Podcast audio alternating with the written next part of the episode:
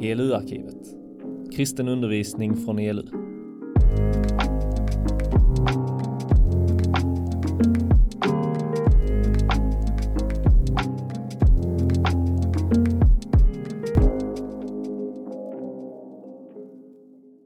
Eh, välkomna hit till seminariet. Eh, roligt att det är så många här. Och välkommen hit, Gunilla. Du ska få presentera dig lite mer snart. Absolut. Jag tänker vi bara ber en eh, bön för eh, stunden här.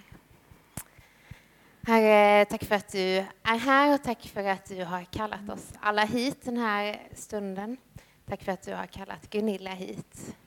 Jag ber att eh, du ska leda Gunilla under det här seminariet, att du talar till henne, att hon får tala ditt ord och att du leder henne i vad hon säger här. Jag ber att det ska få landa på ett bra sätt hos oss och att det ska få, få växa vidare när vi går härifrån. Jag ber att du välsignar den här stunden. I Jesu namn. Amen. Amen. Varsågod. Tack så jättemycket. Tack Maria. Och eh, tack hela gänget här med att jag får möjligheten att komma hit. Fantastiskt roligt att få vara med på eh, ungdomsläger och eh, träffa ett helt gäng eh, så här pigga, glada, svettiga ungdomar en sån här eh, varm, skön sommardag. Gunilla Ludvigsson heter jag. Jag är uppväxt här i Örkelljunga, strax utanför Örkelljunga med till och med, Det är en liten by som heter Långalt, ute på landet.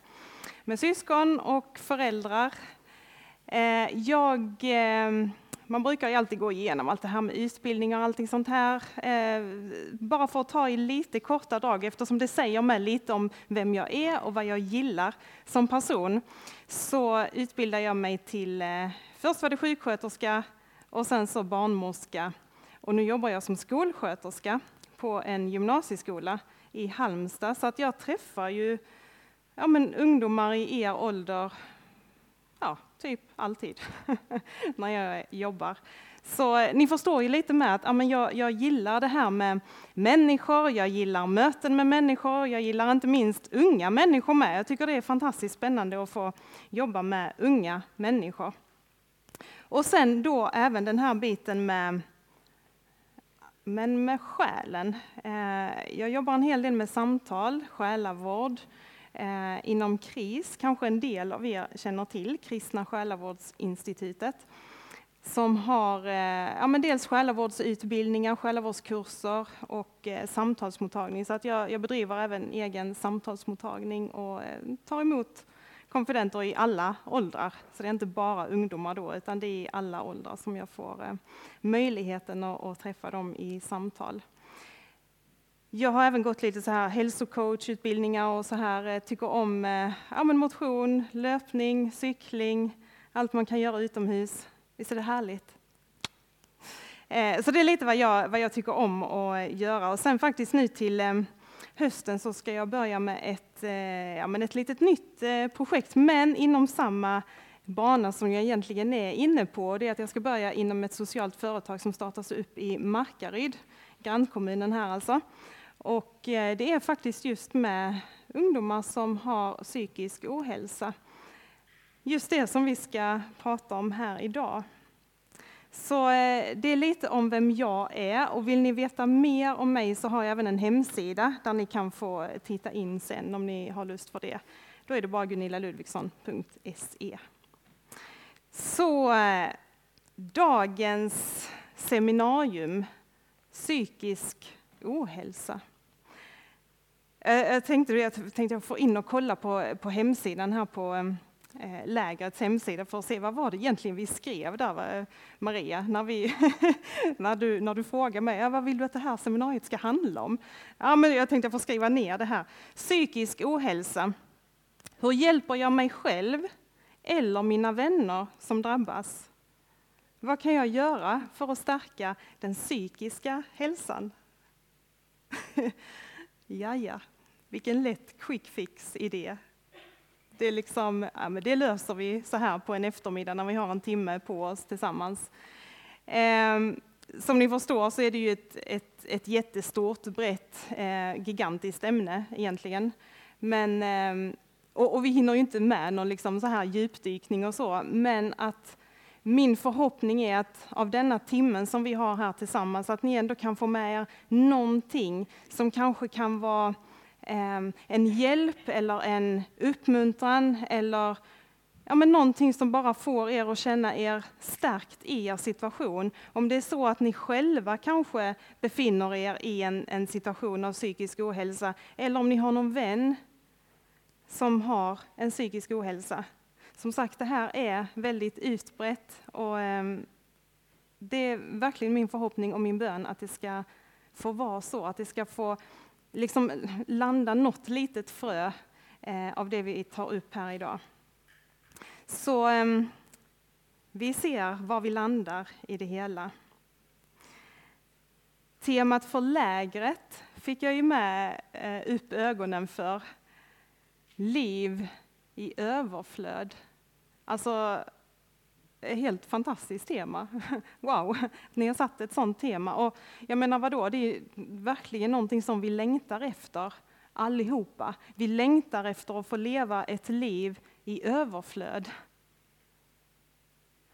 Men hur ska jag komma dit? Hur ska jag egentligen kunna leva ett liv i överflöd om jag kanske brottas så mycket med det här med min psykiska hälsa, min psykiska ohälsa, när jag känner att oh, hur ska det gå för mig? Alltså, hur, det känns som att vägen dit och leva ett liv i överflöd är hur gigantiskt lång som helst. Kan jag överhuvudtaget komma dit? Är det liksom bara i mina drömmar eller kan det bli någon slags verklighet? Jag kan tänka att det kan ändå uppstå många tankar, många frågor, många funderingar. Ja, men, vi, som är, vi som är kristna, men kanske att de flesta av oss är kristna som är här, att ja, men om, om nu Gud vill liksom att jag ska leva ett liv i överflöd, alltså varför har jag då psykisk ohälsan? Kan jag bara bli helad från det på studs? Eller varför blir jag inte helad?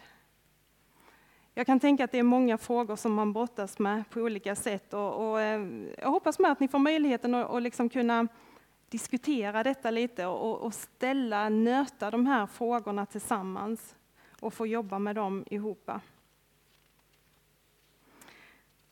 Men för att ta det lite så här från början, vad, vad är egentligen psykisk ohälsa? Vad, vad liksom ingår i det här begreppet? Och då kan man säga så här, att må psykiskt dåligt kan innebära allt från att känna en stark oro, nedstämdhet, sorg, rädsla, ångest, depression, självmordstankar. Det kan vara en, en hel massa olika tillstånd av varierande all, allvarlighetsgrad utav det, de som jag lyfte här. Det är liksom olika grad man kan känna. Men det kan också vara just de här som är diagnostiserade, eh, om man säger diagnostiserade psykiatriska tillstånd, och då kan det vara ja, men allt ifrån depression, alltså en djupare form av depression. Det kan också vara en ätstörningsproblematik. Eh, det kan vara mycket mer också, men eh, det här är en del av de vanligaste som också drabbar många ungdomar. Sen så är det ju även så att psykosomatiska symptom ingår också i begreppet det här med när man pratar om psykisk hälsa och psykisk ohälsa. Och eh, då brukar man tänka så här att till de psykiska symptomen så kan det räknas sömnsvårigheter. Det kan vara nedstämdhet då, som vi var inne på, irritation. Mycket som här som har med liksom min, min själ att göra, nervositet. Sen så finns det då det som kallas somatiska symptom. Och det är sånt som man mer kan, kan liksom ta på, alltså det är huvudvärk, magont, eh, det kan sätta sig som ont i ryggen, yrsel, sånt här som är liksom en, en faktisk smärta. Eh, och sen som sagt, det kan finnas många, många fler. Det här är bara några exempel. Eh, och, och det man också kan liksom säga som en, en sammanfattning av de här olika begreppen, eh, det är att den psykiska hälsan påverkar den fysiska hälsan och vice versa. Alltså har jag ont om man säger i själen, alltså jag lider av en ångest eller en, en eh, ja, det, det, bara känns så jobbigt, jag känner mig så orolig. Ja, men det påverkar också många gånger med att man får kanske mycket huvudvärk, ont i magen, att det liksom sätter sig i kroppen med. Och jag kan tänka mig att det är många av er med som har hört om att ja, den psykiska ohälsan den har ökat. Den har ökat de senaste åren och inte minst efter pandemin när vi satt mycket hemma. Vi hade säkert en hel del av er med som hade fjärrundervisning och man fick sitta hemma med sina studier och så och man träffades inte på skolan. Ehm, och om jag skulle ställt ut frågan här till er alla med, men vad, vad är det som har gjort med er då att den, den psykiska ohälsan har ökat? Varför har den gjort det egentligen? Ja, nu sätter det säkert igång en massa tankar hos er här, för vad, vad kan det vara som ligger bakom egentligen? Ehm, jag kan tänka att vi skulle få många olika svar här. Och tittar man på lite, lite undersökningar och så som, som är gjorda, eh, så kan man då konstatera detta, och det var faktiskt en undersökning från 2017-2018, vilket var då innan pandemin med. Ehm, men då visar det på att de allra flesta elever i Sverige är tillfreds med livet och skattar sin hälsa som god. Däremot är utvecklingen oroande när det gäller elevernas psykiska hälsa. Och eh, av undersökningarna så visar det också att det är vanligare med psykiska ohälsan hos flickor än hos pojkar. Eh, därför att flickorna säger att de har minst två psykosomatiska besvär mer än en gång i veckan, vilket är högre då än vad pojkarna har. Så att det är vanligare bland tjejerna att de har psykisk ohälsa än vad killarna har.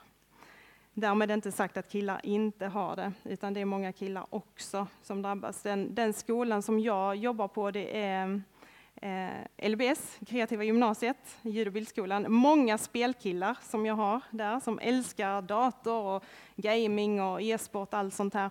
Och jag kan säga att ja, men det finns mycket av den psykiska ohälsan där också, och bland killarna. Så att, eh, man ska inte heller bara tänka att ah, men det är bara tjejerna som drabbas. Det är bara tjejerna. Nej, det är det inte, utan det är också bland killar. Men, men åter till frågan, vad är det då som har gjort att den här eh, psykiska ohälsan har ökat? Vad, vad, liksom, vad orsakas det av allt det här? Eh, här är också lite från, från undersökningarna då, eh, att det är många ju som känner sig stressade. Eh, man säger av stressen över skolarbetet, kraven över skolarbetet. Dels att man känner det från sin egen sida, men att det kan också vara att man känner hemifrån att jag måste prestera, jag måste ju fixa detta. Man känner kraven av att jag måste ju lyckas med denna utbildningen. Kanske man står inför ett, ett gymnasieval och ja, jag måste ju ha de här betygen för att komma in, eller att jag måste komma in på en högskoleutbildning så småningom eller för att jag överhuvudtaget ska kunna lyckas i, i arbetsmarknaden, arbetssituationen. Kraven finns där. Och kanske är det så att vi faktiskt känner av mycket av de här ökade kraven, pressen, att vi måste klara gymnasiet, jag måste fixa betygen, jag måste sätta detta nu. Men sen tänker jag också att det kan vara mycket av den här med ökade tillgängligheten som vi har i dagens samhälle. Ehm, och det kan man ju säga med, men det beror lite på eh, utvecklingen, den tekniska utvecklingen. Inget fel i den på många sätt, men, men det gör med att vi är ständigt eh, tillgängliga, ständigt liksom närvarande på våra sociala medier och vi ska synas och vi ska höras där och vi ska liksom finnas med där hela tiden det skapar många gånger en, en inre stress och en press. Vi får liksom sällan det där lugnet när vi kan dra oss undan och, och liksom fylla på för oss själva. Ehm, stressen, höga kraven som vi var inne på, prestationen, utseende. Jag skulle också säga att det här med att vi, vi är så mycket uppkopplade och så, och, och vi lägger ut våra bilder på, ehm, på Instagram och Snapchat och allt vad det heter idag. Men det gör med att men jag, jag måste ju ständigt liksom finnas där. Utseendet, jag måste ju se lika bra ut som min kompis. Hur, hur får vi det här att gå ihop? Det är en del av det som, som vi liksom, vad ska man säga, orsakerna som, som har med samhället idag att göra. Men sen skulle jag också vilja säga att en stor del handlar om vårt bagage. Att den psykiska ohälsan är kopplat till vad är det som jag har varit med om tidigare i mitt liv.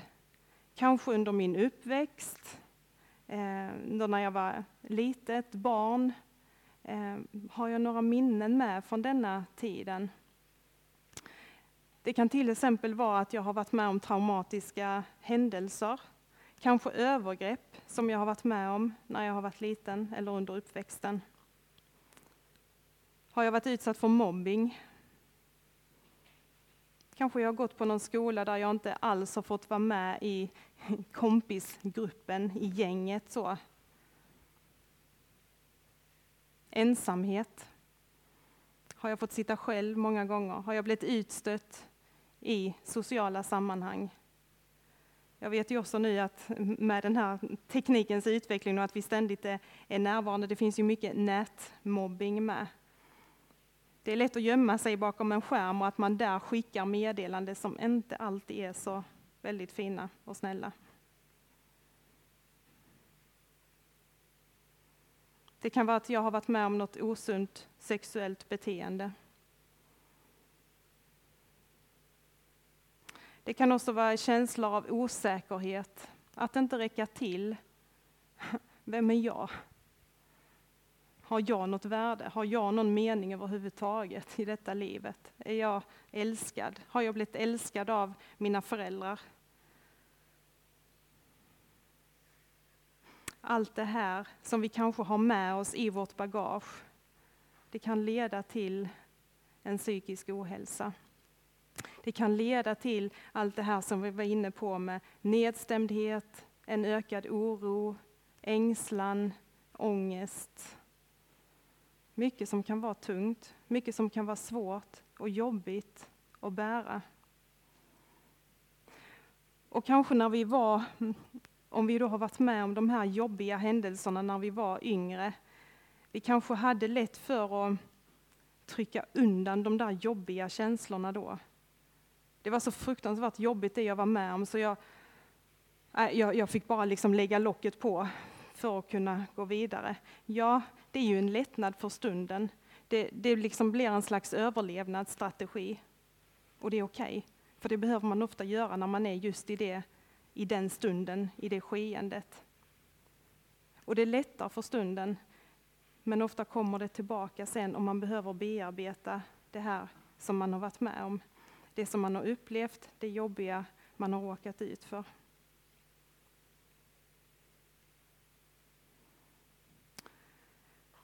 Så här står vi nu, mitt i vår psykiska ohälsa. Vi kanske har ett bagage som har varit tungt, som har varit jobbigt att bära.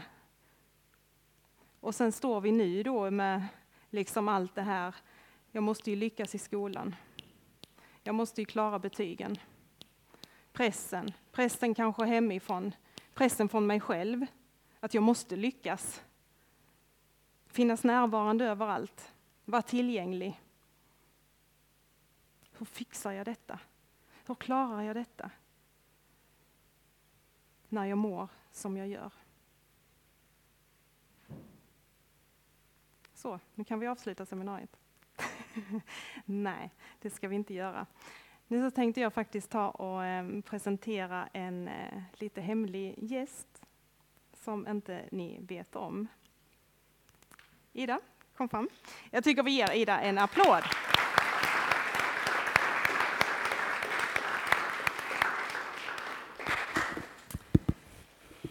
Underbart att ha dig här Ida. Nu är det ju inte någon, tänker vi, som vet vem du är, så att eh, jag tänkte bara ge dig så här fem snabba Sommar eller vinter? Åh, för jobbigt. Höst. Kaffe eller te? Kaffe. Vitt eller svart? Oh.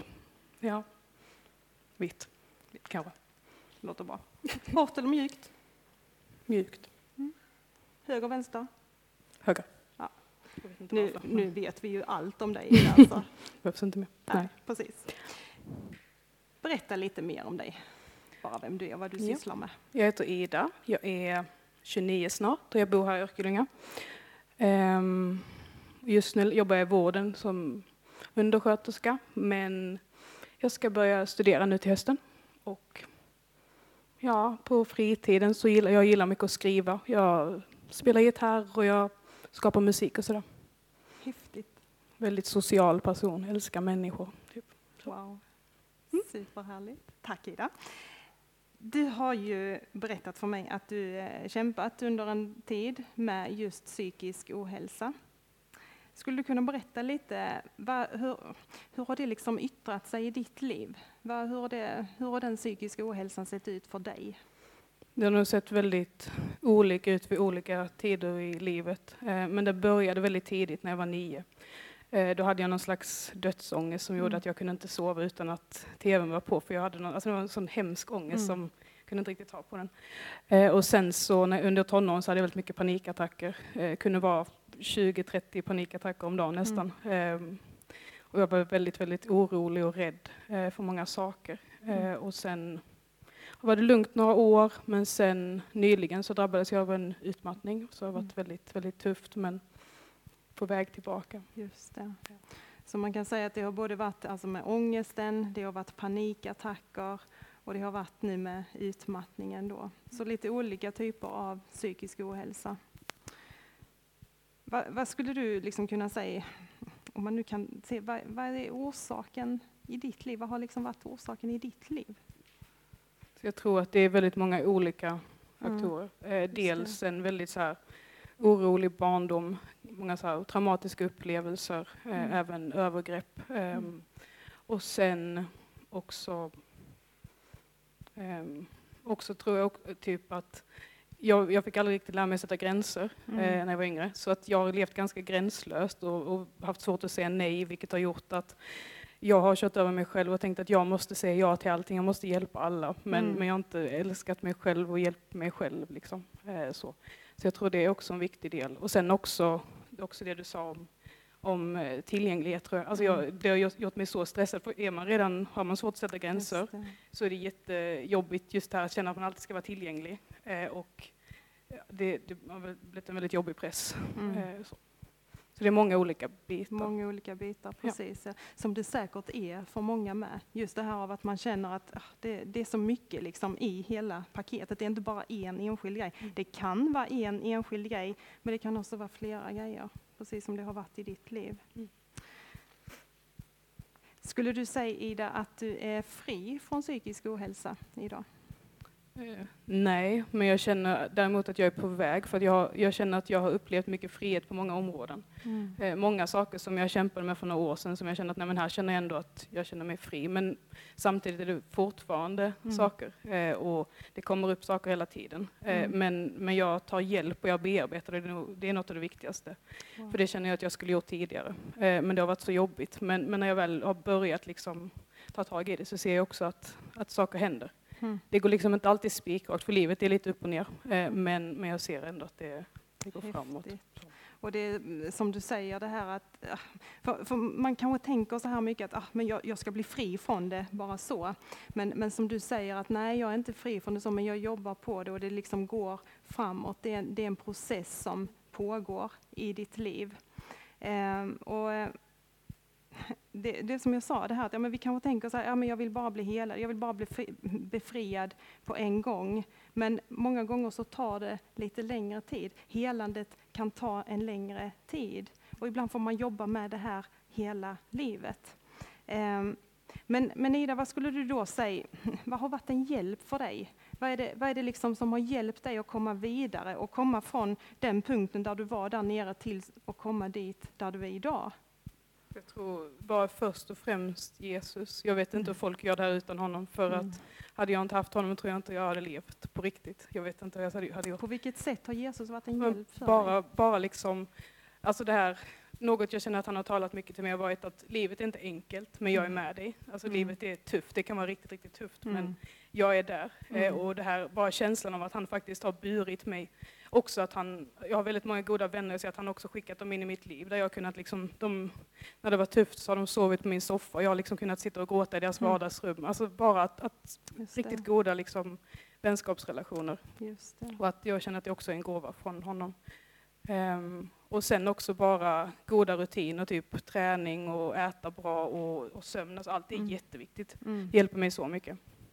Och det är liksom, det är väldigt unders... Eller så här, jag tror inte man ja, men, ser vikten riktigt av det. Eller så här, det är det. jätteviktigt. Man, man kanske tänker många gånger att ah, det är så basic, liksom, vad har det med min psykiska hälsa att göra? Men, men just det här som du säger, att man har goda rutiner i livet, att man tänker på vad man äter, att man äter sånt som man faktiskt mår bra av, att man sover, som du säger, och, och att man tar hand om sig. Jag tänker att jag ska, eh, tack så länge Ida, eh, vi ska fortsätta samtalet, men jag, jag tänker mig att vi kan bara gå vidare lite i det här med ja, men hur, hur kan jag få en, en hjälp i detta? Vad, vad kan vara en, en hjälp med min, min psykiska ohälsa? Eh, jag tycker det var jättebra som du, du säger här, ja, men, ja Jesus, alltså fantastiskt att han liksom kan få komma in i mitt liv och att det, det blir liksom en hjälp med att man kanske behöver plocka ut vissa bibelverser. Vissa bibelverser som får tala på ett särskilt sätt in i mitt liv, in i min situation. Och jag tänker också så här att det är så viktigt att få eh, sätta ord på... på oops! Tjosan. Det var bara den här lilla. Jag hoppas inte det ändrar något med ljudet. Okej. Eh, nej men att vi får sätta ord på våra känslor. Eh, kanske ni inte har hört det här, men alla våra känslor är okej. Alla våra känslor är okej. Ibland tänker vi så här att nej, men de här jobbiga känslorna, de här när jag har varit arg eller uh, jätteilsken eller om jag har varit jätteledsen, är de känslorna verkligen okej? Ja, alla känslorna är okej eftersom Gud har skapat oss med känslor.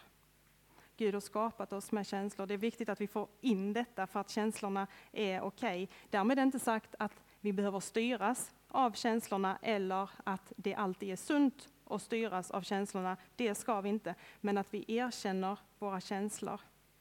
Att vi accepterar att vi har de känslor vi har. För någonstans, känslorna, jag brukar säga så här att ja, men känslorna, eh, de säger ju något om hur vi har det på insidan. De säger något om hur jag mår. Och därför behöver vi vara noga med, är, är det liksom varningssignaler? Vad säger de här känslorna till mig och om mig? Jag behöver sätta ord på mina känslor. Och sen även att fundera lite, när jag har den här känslan, vad står den för? Varför har jag egentligen denna känslan som jag har? Säger den någonting till mig om vad är det jag har varit med om? Vad är det som gör att jag känner som jag känner? Och varför har jag denna känslan just nu? Vad är det som gör att den kommer upp just i detta sammanhang där jag befinner mig i just nu? Sen kanske det är så här att jag har ehm, varit i ett sammanhang eller kanske att jag har varit med eh, i, en, i en klass eller inte minst bland föräldrar kan det också vara, där jag har fått höra det här, ah, men du är ju värdelös, alltså kan du inte fixa det, där är ju ingen ordning alls med dig, alltså du är ju helt, va? Du är ju inte någonting att ha. Har jag fått höra det här många gånger i mitt liv om att jag är värdelös, jag är inte älskad, jag är inte viktig för någon. Är det det som liksom hörs inom mig? Är det det bandet jag lyssnar på och som har blivit liksom min sanning. Jag behöver förstå om jag har det här bandet i mig. Och då behöver jag faktiskt ta och byta ut det bandet mot sanningen. Och vad är sanningen? Vad är sanningen om mig? Vi har det i Guds ord. I Guds ord har vi sanningen om vem vi är.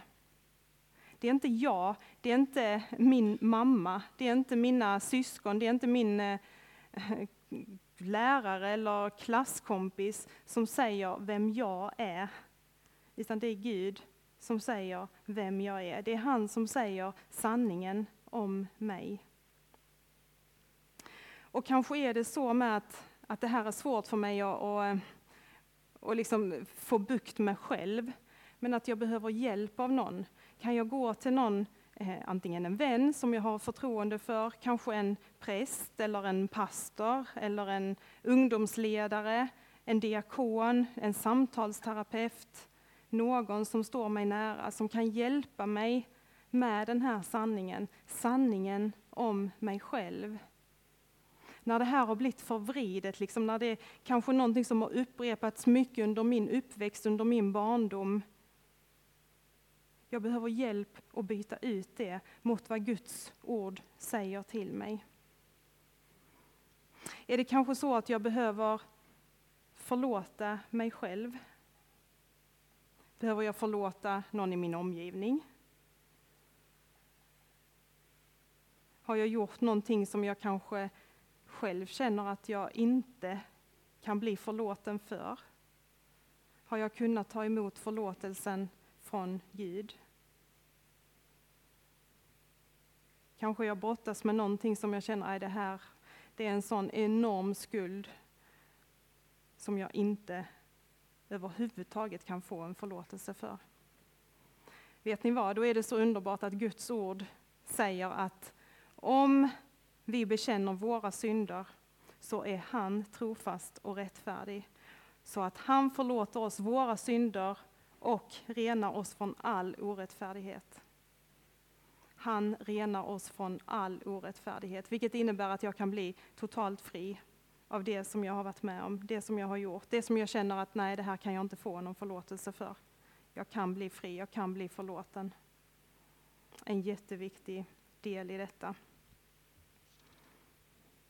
Och sen inte minst det här som, eh, som Ida var inne på med, just med, med vännerna. Alltså det är ju jättevärdefullt att ha vänner i sin närhet. Alltså bara som ni nu som kan träffas på läger och få umgås tillsammans. Jag tänker det är en jätteviktig hjälp med när man kämpar och brottas med den psykiska ohälsan. Att jag i alla fall har vänner omkring mig. Jag kan prata med vänner, jag kan hänga med vänner.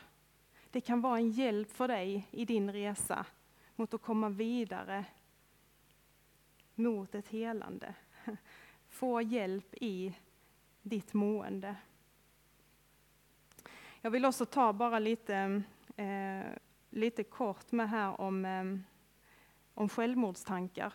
För att för en del personer så är det så att man, man känner att man är så djupt nere. Man är så... Oh, alltså, livet det, det kan liksom varför ska jag leva? Varför ska jag egentligen finnas på denna jorden? Om jag nu känner mig både värdelös och oälskad, det är ingen som bryr sig om mig. Det kan vara jättejobbigt. Det kan vara så att jag själv kämpar med detta, men det kan också vara en vän till mig som kämpar med detta. Och, eh, det finns några, man brukar säga så här, några tecken eh, på om det är så att ja, men det, det här kan vara att det är liksom självmord i tankarna. Eh, så det man kan vara uppmärksam på, och jag vill säga med så här att det här som jag kommer att säga nu eh, med dessa tecken, det är långt ifrån heltäckande på något sätt, men att man i alla fall är lite extra uppmärksam om det är så att man har någonting av de här kännetecknen, om man säger så. Och för det första det här att man, man börjar prata lite mer om, om självmord. Att det liksom börjar bli någonting man, man använder i sin vokabulär. Att, ah, ja, alltså självmord, man kanske börjar googla lite om det, olika sätt. Eh, ja, man börjar prata om det helt enkelt. Det kan vara att man blir ehm, eh, plötsligt personlighetsförändrad. Eh, om ni liksom märker att era kompisar, men alltså så här har hon eller han inte varit innan. Någonting har hänt bara så där i personligheten. Något som bara ni känner, hm, det är något som inte stämmer. Personligheten har bara förändrats. Det kan vara också en djup depression som så småningom leder till de här självmordstankarna. Så har ni, om ni själva befinner er i en djup depression eller det finns någon god vän eller så med en djup depression, det kan vara ett tecken. Sen tar man också upp eh, just med en del symptom som eh, om det är en längre tid av sömnlöshet, att man har minskad aptit, eh, att man har sjunkit drastiskt i vikt, en långvarande utmattning. Det kan också vara vissa så här tecken som kan visa på att man, man bär på de här tankarna. Självklart kan det också vara att man har gjort faktiska försök till självmord också.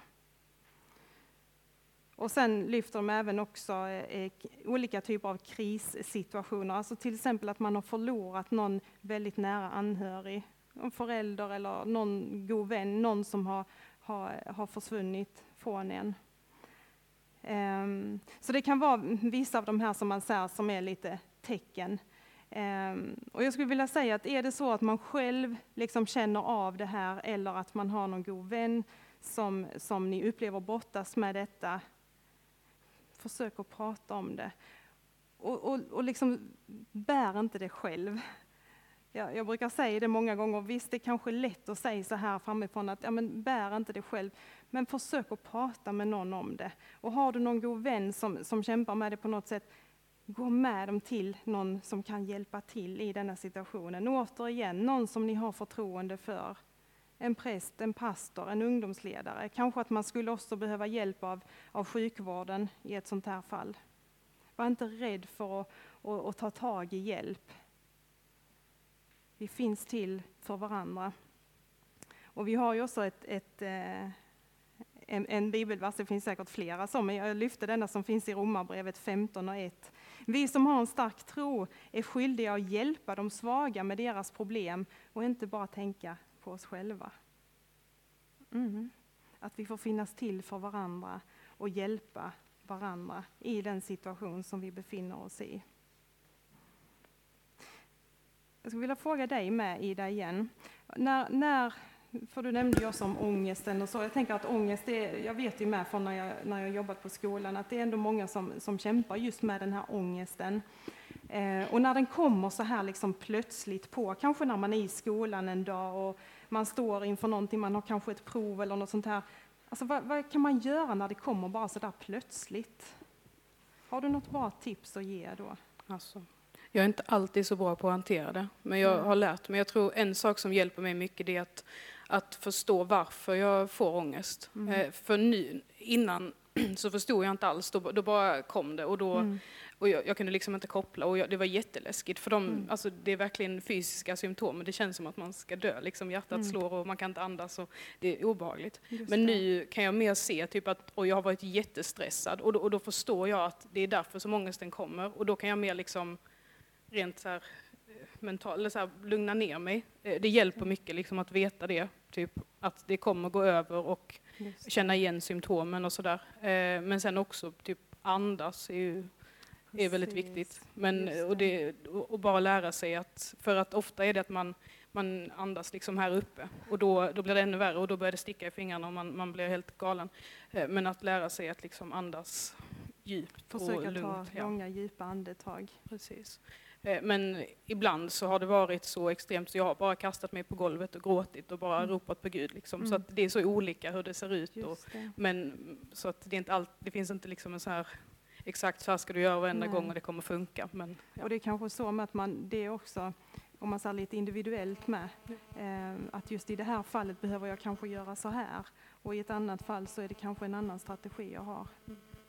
Och ibland kan det också hjälpa, alltså om man har mycket ångest, att hjälpa att bara ut och gå för att gå lite snabbt typ och få upp pulsen och bara liksom, så nästan rinner det av känns det som ibland. Precis. Ibland funkar det. Så ni ser att det finns många olika sätt som man kan hantera när det kommer ofta så här plötsligt på. Eh, så jag kan tänka så här att ja, men det finns lite så här två, två ben i det hela. Att ja, man behöver också bearbeta sitt bagage, eh, precis som du gör med och som du, du liksom jobbar med. Men man får ju också försöka ta hand om det när det kommer liksom bara så där plötsligt på. Och, och vad gör man då? Ja, men det kan vara superbra att ut och gå och men göra någonting fysiskt faktiskt. Um, jag tänkte faktiskt här att vi ska ta och, ehm, och titta på en... Känner ni att ni bara behöver resa på er? Så bara liksom ställa er upp. Så ska Arvid få fixa eh, filmen här, för vi ska titta på en, ehm, en liten kort film här. Super, super. Detta är en film som ehm, Folkhälsomyndigheten har gjort och som handlar om psykisk hälsa. Och jag kan tycka att den är, ja, men den är ganska bra för att den sammanfattar lite av det som vi har pratat om och vad man kan tänka på. Eh, hur, hur liksom kan jag göra för att jag ändå ska må så bra som möjligt? Den tar upp både lite om det här med riskfaktorer och skyddsfaktorer och så, så att eh, vi får se vad ni, vad ni gillar den. Det är typ fyra, fem minuter bara som den varar.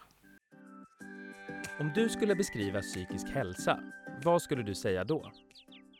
Du kanske skulle säga uh, det är hur man mår psykiskt, eller hur? Men det säger ju inte så mycket. Du kanske skulle svara att psykisk hälsa handlar om att känna sig deppig eller utbränd. Men det är ju exempel på psykisk ohälsa. Eller så kanske du skulle säga att psykisk hälsa innebär att vara glad hela tiden. Ja, inte riktigt. Att kunna känna sig glad är viktigt, men psykisk hälsa handlar om så mycket mer än det. Så vad är psykisk hälsa? Det kan vara svårt att svara på eftersom det innehåller både positiva och negativa dimensioner. Den negativa dimensionen, psykisk ohälsa, kan vara psykiska besvär som till exempel oro eller nedstämdhet eller psykiatriska diagnoser som till exempel depression eller ätstörning. Psykisk ohälsa kan göra det svårt för oss att fungera i vardagen och då är det bra att det finns hjälp att få. Sen finns det den positiva dimensionen, välbefinnandet. Att ha en god psykisk hälsa handlar bland annat om att du kan uppleva din tillvaro som meningsfull, trivas med livet, känna lycka och ha goda sociala relationer. Det handlar också om att kunna hantera livets upp och nedgångar och att känna sig delaktig i samhället. Men din psykiska hälsa är inte statisk. Den kan förändras. Hur då, tänker du kanske då? Den psykiska hälsan påverkas dels av biologiska faktorer, men också mycket av våra upplevelser i livet. Särskilt viktiga är våra tidiga erfarenheter. Ju fler positiva erfarenheter vi får, desto mindre risk att drabbas av psykisk ohälsa, även senare i livet. Det som påverkar den psykiska hälsan kallas för skyddsfaktorer och riskfaktorer. Så vad kan skyddsfaktorer vara? Jo, att ha en god självkänsla yeah. eller att ha en nära vän, en god arbetsmiljö eller en hobby som du verkligen trivs med. Motsatsen till skyddsfaktorer är riskfaktorer. Riskfaktorer kan vara att växa upp i en familj med missbruk eller många konflikter, att ha ekonomiska svårigheter eller att känna att man inte passar in i normen. Detta kan påverka hälsan negativt. Det som är bra är att skyddsfaktorerna kan mildra effekten av riskfaktorerna, öka din motståndskraft mot psykisk ohälsa och göra dig bättre rustad att anta livets utmaningar. Vår förmåga att hantera livets utmaningar hör alltså ihop med vår psykiska hälsa. Vad då för utmaningar, tänker du kanske då? Ja, det kan vara vad som helst. Stress inför ett prov, eller att du har jättemycket att göra på jobbet. Det kan också vara att du eller någon i din närhet drabbas av en sjukdom. Det kan vara något socialt, som bråk i familjen.